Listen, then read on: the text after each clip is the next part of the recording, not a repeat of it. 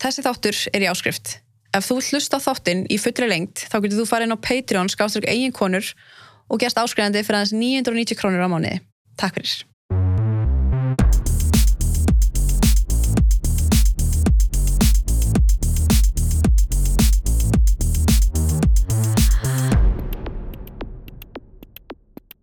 Takk fyrir að koma. Takk fyrir. Það sem við ætlum í raun að ræða er bara að hérna, það var strákur sem í raun seldi myndir að þér, nektarmyndir og dreifði þeim. Mm -hmm. Er hérna, getur sagt mér aðeins hvernig, þú veist, hvernig byrja þetta, hvernig, þú veist, um, hvernig fjekk hann myndirnar? þú veist, þetta var eiginlega bara svona ég 15 ára að þú veist byrja að taka svona pínu myndir af sjálfum mér en Mhm. ekki þú veist senda þér neitt bara svona setja þér inn á svona mægisónli og bara eiga þér Mm -hmm.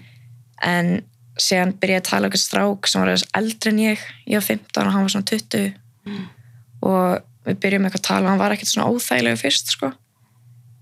En síðan þú veist eitt kvöldi spura mig um myndir. Og ég þú veist var með myndir á mér þannig ég bara já já þú veist senda þér og sendi þér í chatti og hann segði ekki myndirnar og hann tók ekki screenshot eða neitt svoleiðis Já, því að það sést alltaf á já, Snapchat. þú veist, ég myndi alltaf fá þú veist, og hann tók screenshot, en það kom ekki tannig þannig ég veit ekki alveg hvernig hann fór á því. En síðan bara svaraði mér ekki neitt, þú veist, ég sendi myndinar og hann opnaði og bara sagði ekki neitt. Og svaraði mér ekki svona daga. Þannig ég bara, ok, þú veist þetta er bara það sem hann vildi og bara, þú veist Mm bara, ok, skiptir einhver en síðan sko vaknaði ég við það eða svona tveimdum, þreimdum setna þá vaknaði við það að hann eða þú veist að ég kom með svona þúsund followers á Instagram og bara fullt af fólki að mér að snap. Og þú veist Bara íslenskir og, já, bara íslenskir og enskir og fólk sem að, þú veist þú veist, voru bara að senda mér bara vídeo og myndir af sér strax og voru ekki að segja neitt um mig. Og bara hérna, þú veist, tímmynd og ég bara, þú veist, og þarna varstu 15 ára. já, 15 ára gömul og ég vissi ekki alveg strax að veist, hefði farið eitthvað, Mm -hmm. hann tók ekki screenshot og, veist, hvert ætti það að fara, skilur, ég vissi Mhm. ekki þess að hann fór í skólan og með leiðin svo fólk var rosalega mikið að horfa á mig sko, en ég veit ekki hvort það er bara út af því að ég var eitthvað að hugsa. En síðan sko kemur vinkur með tímin og segir þú veist, ertu búin að sjá þetta? Og þú ert innan af þessari síðu.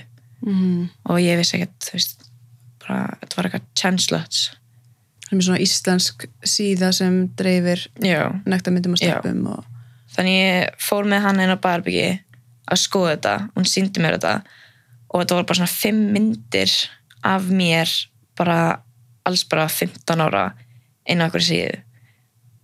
Og þú veist, fólk alltaf kommenta á þetta og sagt af þessu stóti Mm og bara já, þetta er, þú veist, Freyja. Instagramin er þetta og Snappin er þetta og fólk var bara að tala við mig og senda á mig og ringi mig og þetta var bara Var þetta, þú veist, íslenski strákar? það var, þú veist, nokkri íslenski bara svona strákar á mínum aldri og síðan var þetta líka svona miklu miklu eldri, þú veist, kallmenn Mm -hmm. sem var þetta líka fólk bara frá útlöndum fólk sem talaði ennsku við mig Mm og bara rosalega mikið af mismandi nokkra stelpur líka rosalega mikið af bara mismandi fólki Mhm. að senda mig, sko Og hvað var það að byggja um?